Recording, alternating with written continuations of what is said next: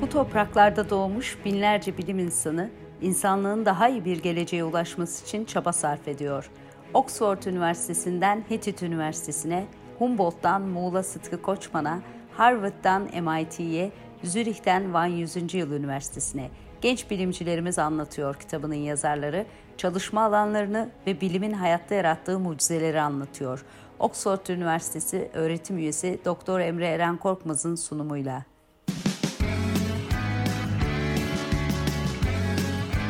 Oku, dinle, izle. Kısa Dalga. Merhabalar. Ee, bugün Kısa Dalga Bilim Söyleşilerinde Doktor İrem Sepil ile beraber beraberiz. Ee, Oxford Üniversitesi'nden, aynı üniversiteden beraber bu kitabımızda kuantumdan genetiğe bilim e, genç bilimcilerimizi anlatıyor kitabında beraber çalıştık. Merhabalar İrem, nasılsın? İyiyim, teşekkür ederim. Merhaba Eren. Şimdi şöyle yapalım. Öncelikle hani bu kitabı ya da senin makaleni tartışmadan önce kısaca sen kendini tanıt. Onun üzerinden de dinleyicilerimiz de tanısınlar e, seni. Ondan sonra da makalenin içeriğine doğru geçeriz. Tabii ki. Ben İrem Sepil. Oxford Üniversitesi'nde zooloji bölümünde çalışıyorum. Şu anda kendi grubumu kurdum geçen sene itibariyle. Bir tane İngiltere'den bir burs alarak. Onun dışında doktoramı da burada yaptım 2008-2012 yılları arasında. Ondan sonra bir 6 sene kadar postdoc olarak çalıştım. Yani bayağı uzun süredir Oxford'dayım bir 13 sene kadar. Lisans eğitimimi de İstanbul Boğaziçi Üniversitesi'nde moleküler biyoloji ve genetik olarak tamamlamıştım. Harika. Peki hangi kolejdesin? Burada Oxford'da klasik soru olarak sorayım hemen. evet aslında normalde postdoc döneminde pek kolej olmuyor ama şimdi iki senedir şeyde başladım, öğretime de başladım. O, o yüzden St. Hilda Kolej'deyim, St. Hilda's. ama doktora da Jesus'taydım. Aa süper. Aa, Jesus bizim rakip kolejimizmiş. Ben St. Edmund'dayım. Öğrenciler Jesus'a rakiplermiş. Birbirlerinin işte şeylerini bir şeylerini, ürünlerini çalmaya çalışıyorlarmış birbirlerine böyle şakalar falan Gerçekten. Yapıyorlar. Hadi ya bilmiyordum. Bunu bilseydim belki kitaba davet etmezdim diyormuşum. şey ama ya burada enteresan hani üniversite öğrencisiyken kolej hayatında çok önemli bir yeri var ama doktoradayken bizde çok yoğun değil yani bilmiyordum mesela bunu. Ama yani güzel kolej kavramı eğlenceli bir şey. Evet yani buranın tabii özgünlüğü öyle yani. Biz, ben de postdoc olarak geldiğim zaman bir kolej şey yoktu. Sonra bu junior fellowship'lere başvurup koleje girmiştim. O zaman ondan sonra hani oradaki o sosyal ortam, birçok farklı birim şeyden bölümden insanla tanışmak, işte bu formal dinnerlar falan derken o törenler, gelenekler e, ilgimizi çekiyor. Tabii buranın öyle bir özgünlüğü var. Öğrenciler için aslında şanslı ama tabii son bir yıldır pandemi nedeniyle hiçbiri de olmadı. Son bir yılda gelenler için biraz sıkıntılı bir zaman. Evet, yani benim de hani işte bu lectureship'te mesela şey tam pandemi zamanında başlamıştı. Normalde öğlen yemeklerine falan gidecektim. Daha bir kere bile gidemedim yani. Aa, Her şey Zoom üzerinden. Zaten yani e, öğlen yemeklerinde ondan sonra çay kahve zamanında evet. E, Birçok insana tanışma imkanı oluyor. Çok alanında otorite insanlarla da tanışma imkanı oluyor. Onlardan öğrenmek falan çok önemli. Daha böyle bir üniversite hissetme imkanı sağlıyor. Neyse Oxford üzerinden konuşmaya başlarsak hiç susmayız burada. Konun çok ilginç. Kalıtımın bilinmeyen yüzü, e, gen dışı kalıtım, yaşlanma ve beslenmenin etkileri üzerine. Ne anlatıyorsun burada? Bir de çok ilginç mi? Sinekler üzerinde çalışıyorsun. Sinek niye? insanlarla nasıl bir etkileşim oluyor onun? E, biraz anlatır mısın? Tabii. Önce istiyorsan şeyden başlayayım. Gen dışı kalıtım. Hani genel olarak özellikle bu genetik hani son yüzyılın buluşu diye sanırım öyle bir bölümümüz de var. Aa, hani genetik insanların çok duyduğu bir şey. İşte özellikle işte DNA kodlaması, özellikle şimdi bir sürü gene gen, gen tedavileri, birçok bir farklı yerlerden genetik duyuyoruz. Ve hani insanların genel düşüncesi işte annenden, babandan genlerinin yarısını alıyorsun. Hani o yüzden çocuğa bakıyorsun annene benziyorsun, babana benziyorsun. Hani her şeyi bütün bu kalıtımı genetik üzerinden düşünmeye biraz kodlandık. Özellikle biyoloji alanlarında çalışan insanlar. Ama gen dışı kalıtım diye bir şey de var. Bu da mesela bir bireyin yaşadığı ortamın ya da işte deneyimlerinin bazı genetik kod olarak olmasa bile farklı moleküller aracılığıyla yavrusuna aktarılması. Ama bu olayın daha moleküler tarafı biz buna epigenetik diyoruz. Ama aynı şekilde mesela kültürel aktarım da var. Bunları zaten biliyoruz işte hani bir ailenin çocuğuna gösterdiği gelenekler, görenekler. Hani buna kültürel ya da işte sosyal aktarım bunlar da var. Bunları da gen dışı kalıtım olarak değerlendiriyoruz. Um, ve de buradaki ha bu gen dışı kalıtım özellikle bu kültüreli biz genelde hep insan olarak düşünüyorduk ama şimdi artık anlıyoruz ki bunlar hayvanlarda da mevcut. Mesela hayvanlarda da kültür var. Hayvanlarda da sosyal öğrenme var. Ve bunlar da gene kuşaklar arasında aktarılınca bunlara da yanlış kalıtım olarak değerlendiriyoruz. Ya bu çok ilginç gerçekten. Yani senin e, mesela biz o zaman yaşadığımız ya da belli sorunlar veya belki de olumlu özellikler bir şekilde e, mesela dedemizin e, işte büyüklerimizin 2-3 nesil öteden bize bir şekilde aktardığı şeyler olabiliyor. O zaman çok daha e, ilginç, daha büyük, geniş bir perspektiften bakmak gerekiyor değil mi? Sürekli öncesinde de konuşmuştuk. Ben yani sosyal medyada da yani bir siyaset bilimci olarak o bunun siyaset bilimine çok büyük etkisi olur diye e, evet. düşündüm. Hiç bu konular tartışılıyor mu yoksa çok yeni konular mı bunlar? Aslında yeni konular yani işte dediğim gibi ben hani genetik okuyan biri olarak hani epigenetik biraz biliyordum ne olduğunu ama özellikle bu son senelerde iyice anlaşılmaya başladı. Annelerden gelen etkiler daha fazla çünkü biliyoruz zaten hamilelikte işte annenin çocuğa moleküller aktardığını işte emzirirken falan hani anneden çocuğa geçen etkiler biraz daha uzun zamandır biliniyordu. Zaten kitapta işte bölümümde bunu biraz anlatıyorum ki o bile yani 70'lerden beri hani inanılan bir şey. Ama mesela babadan gelen etkiler o çok yeni. Çünkü herkesin düşündüğü şey şuydu. Hani bir işte yumurtayı düşününce işte kadınların ürettiği yumurtalar oldukça büyük. İçinde bir sürü sitoplazma besin var. Hani oradan bir şeyler geçiyor ama sperm hücresi çok küçük. Ondan sonra içinde sitoplazma yok. O yüzden insanların genel düşüncesi erkeklerden bir şey geçmediğiydi. Yani annelerden bu etkilerin geldiğiydi. Bu alan şu anda çok büyüyor. Babasal etkiler, babaların deneyimlerinin, yaşadıklarının çocuklara gene ya da işte hangi organizmaysa yavrularının aktarımı. Bu çok yeni bir konu. Ben de zaten bu devletten aldığım fon bu konu üzerine. Bunu araştırmak üzerine. Çünkü çok bilinmeyen var bu konuda. Peki neden sinekler? Yani sineklerin insanlarla ne ilişkisi var? Ee, bu Aa, evet. MIT'den Uğur da Uğur Hoca da e, sinekler üzerinde çalışıyor. Dedim demek ki bu bayağı yaygın bir şey bu sinekler ve Evet, insanlar arasında ya da genel olarak hay- canlılar, hayvanlar arasında mı böyle bir ilişki var? Yani model organizmalar var belli başlı. Sinek bunların arasında dediğin gibi en çok kullanılanlardan biri. Model organizmalar neden kullanılıyor? Çünkü yani bilimde birçok cevabını bulmak istediğimiz soru için data toplamak gerekiyor. İşte elinde bir, bir sürü denek olması gerekiyor. E şimdi insanlar üzerinden bunu yapmak çok zor. Özellikle de eğer insanları sadece gözlemleyerek data elde ediyorsan sebep sonuç ilişkisi bulmak çok zor. Çünkü hani iki şey arasındaki korelasyondan bahsedebiliyorsun ama bu buna yol açmış diyemiyorsun. Çünkü onu yapabilmen için her şeyi böyle sabitlediğin çok kontrollü deney ortamları gerekiyor. O yüzden de genelde bilimde biz hani bunları yapabileceğimiz kontrollü deneylere olanak veren organizmalar kullanıyoruz. O yüzden de bunların en önemli özelliği de küçük olmalılar. Hani laboratuvarda kolay bakılabiliyor olmalılar, kısa ömürlü olmalılar, hani daha basit olmalılar. Ha, sinek de bunlara en uygun olanlardan biri. Başkaları da var. Genelde işte halkalı solucan, ondan sonra sinekler, fareler, bu tarz farklı organizmalar kullanılıyor. Sinek insana ne kadar benzer diyorsun aslında bayağı benzer. Yani tabii ki bakınca pek benzemiyor. Ama işte mesela hastalık genlerinin %60-70'i insanlarla örtüşüyor. Ya da işte bu yaşlanma ya da üreme ya da işte gelişimle ilgili önemli olan bazı işte ne deniyor bunlar böyle gen grupları var.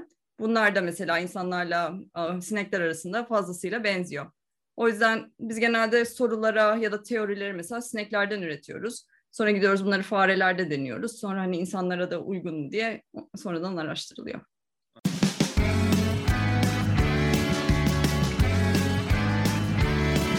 Kulağınız bizde olsun. Kısa Dalga Podcast. Peki siz o zaman yani sineklerin dedesinden torununa nesil nesil onu bir de takip etmek de kolay olmasa gerek yani. O... Aa yok bayağı kolay. ya çünkü bir ay kadar yaşıyor sinekler. Ondan sonra yani ben genelde deneyler yaptığım zaman bütün o sineklerin ne zaman doğduğunu biliyorum. O bir ay boyunca onları işte inceliyorum. Onlar sürekli doğurdukça ya da doğurmuyorlar işte yumurtladıkça onları topluyorum. Sonra onları inceliyorum falan. Yani ben mesela bir iki nesillik deneyi gene 3-4 ayda bitirebiliyorum. Ama bunu mesela... sinekleri? O kadar Aa, efendim? yakınlaşma oluyor mu? İsim veriyor musun sineklere? yok ya bir anda böyle binlerceyle uğraştığın için yok öyle bir şey olmuyor. Bir de o kadar fazla çok öldürdüğün için de bir de fazla bir ya çünkü bir ay yaşıyorlar zaten. Hani deneyde işin bitince sonuçta bırakıyorsun işte öldürülüyorlar falan. Çok öyle bir kişisel yakınlık kurmuyorsun ya. Harika. Ama yani şöyle o zaman yani benim anladığım mesela insanların yaşadığı mesela savaşlar, travmalar, işte soykırımlar, şiddet yani bunlar o zaman e, geçmişte yaşanan bunların hepsini bugünle o şekilde okumak tabii ki tek şey olması da mümkün. O zaman diyelim ki artık sadece tarihçiler ve siyasetçiler değil mesela psikologlarla, genetikçilerle hep beraber mi o zaman çalışmamız gerekecek? Özellikle mesela böyle 2-3 nesil süren böyle bitmeyen ya da uzun süreli çatışma halleri var birçok ülkede işte Kolombiya'da var, Filistin'de var. Yani burada nesillerden nesillere demek ne, e, bunun etkisi nasıl aktarılıyor? Bu çok in, önemli bir şey. Çünkü bunların çözümü noktasında hep böyle işte e, gerçekleri tanı, anlatalım, işte bir diyalog kuralım gibi şeyler öneriliyor sonuçta. E, ama mesela belki de böyle e, bu konulara da bakmak gerekecek değil mi? Bu şekilde biraz daha alanı genişletmek mümkün olabilir sanırım. Ya tabii toplumsal travmalar söz konusuysa işte bu konudaki zaten bahsettiğim çalışmalar bu soykırımla ilgili, Yahudi soykırımı ile ilgili. Hani orada işte bunu yaşayan insanların çocuklarına stres hormonlarını çok daha yüksek şekilde aktardıkları belli işte gene hani modla ya da işte psiko, psiko, psikolojik ya da psikiyatrik rahatsızlıklarla ilgili sana hani olabilme olasılığını arttıran belli gene moleküllerin aktarıldığı falan bunların hepsi gösterilmiş. Ama hani burada önemli bir nokta tabii ki bu gene sadece epigenetik değil. Hani bunun gene kültürel ve sosyal aktarım olan önemli bir kısmı da var. Çünkü tabii ki bu insanların hani çocuklarını yetiştiriş biçimlerinde de bir farklılık olabilir. Hani kendi yaşadıkları travmalarının kendi hayatları üzerinde büyük bir etkisi olabilir. Yani bunların hepsi bir araya gelip sonuçlara yol açıyor. O öykülerle doğuyor, büyüyor insanlar. Yani işte o da önemli bir şey. Onun yarattığı korkular var, e, çekinceler var. Bunlar da önemli tabii. Peki sizin alanda bir interdisipliner çalışma hakim mi yoksa siz böyle daha çok tek disiplinli mi çalışıyorsunuz? Böyle yeni bir açılım mı olmaya başlıyor? Yani mesela işte siyaset biliminde mesela arkeolojide mesela işte örneğin yapay zeka kullanılıyor.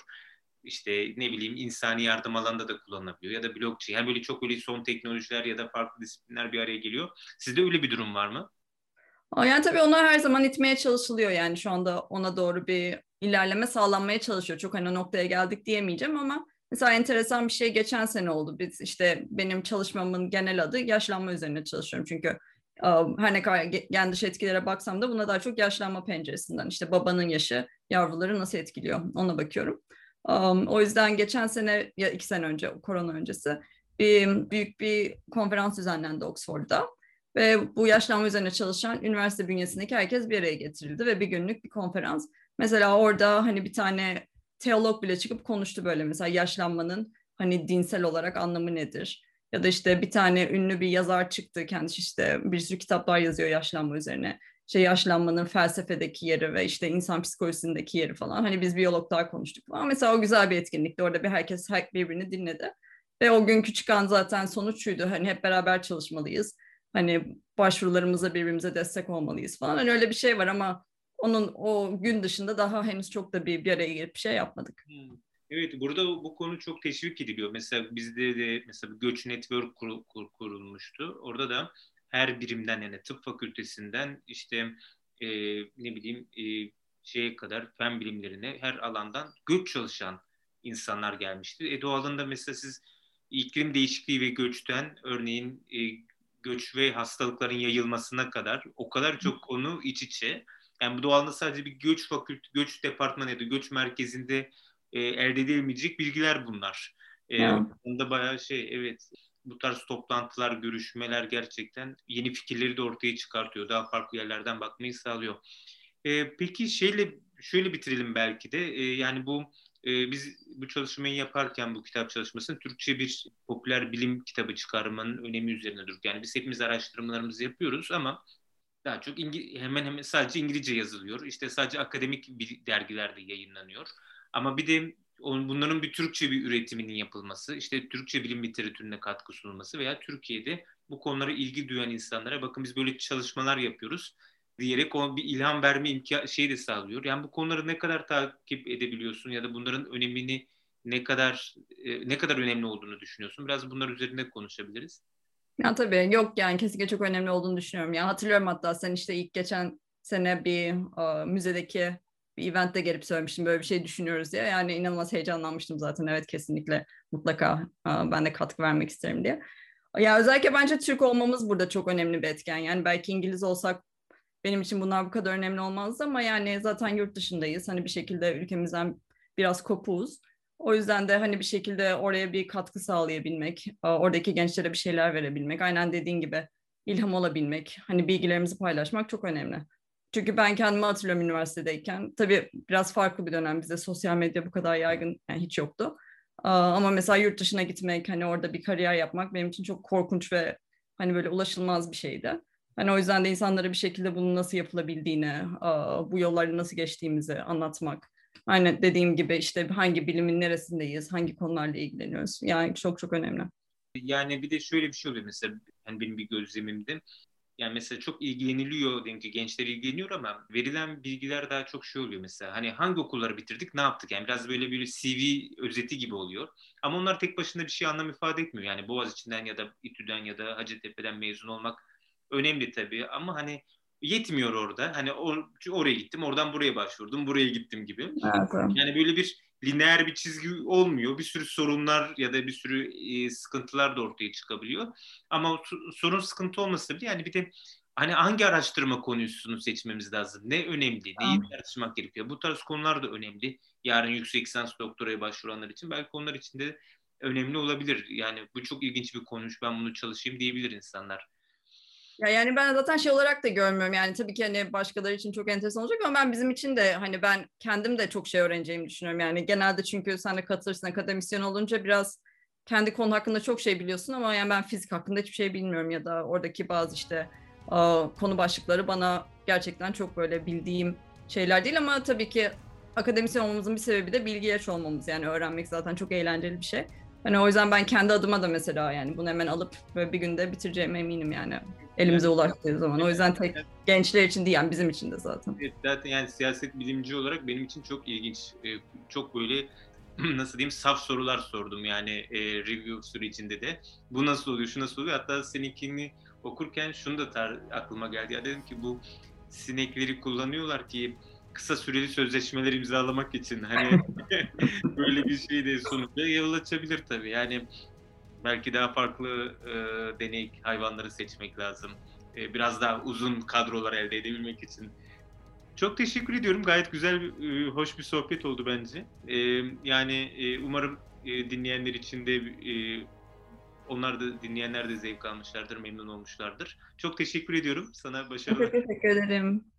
Teşekkürler. Hoşçakalın.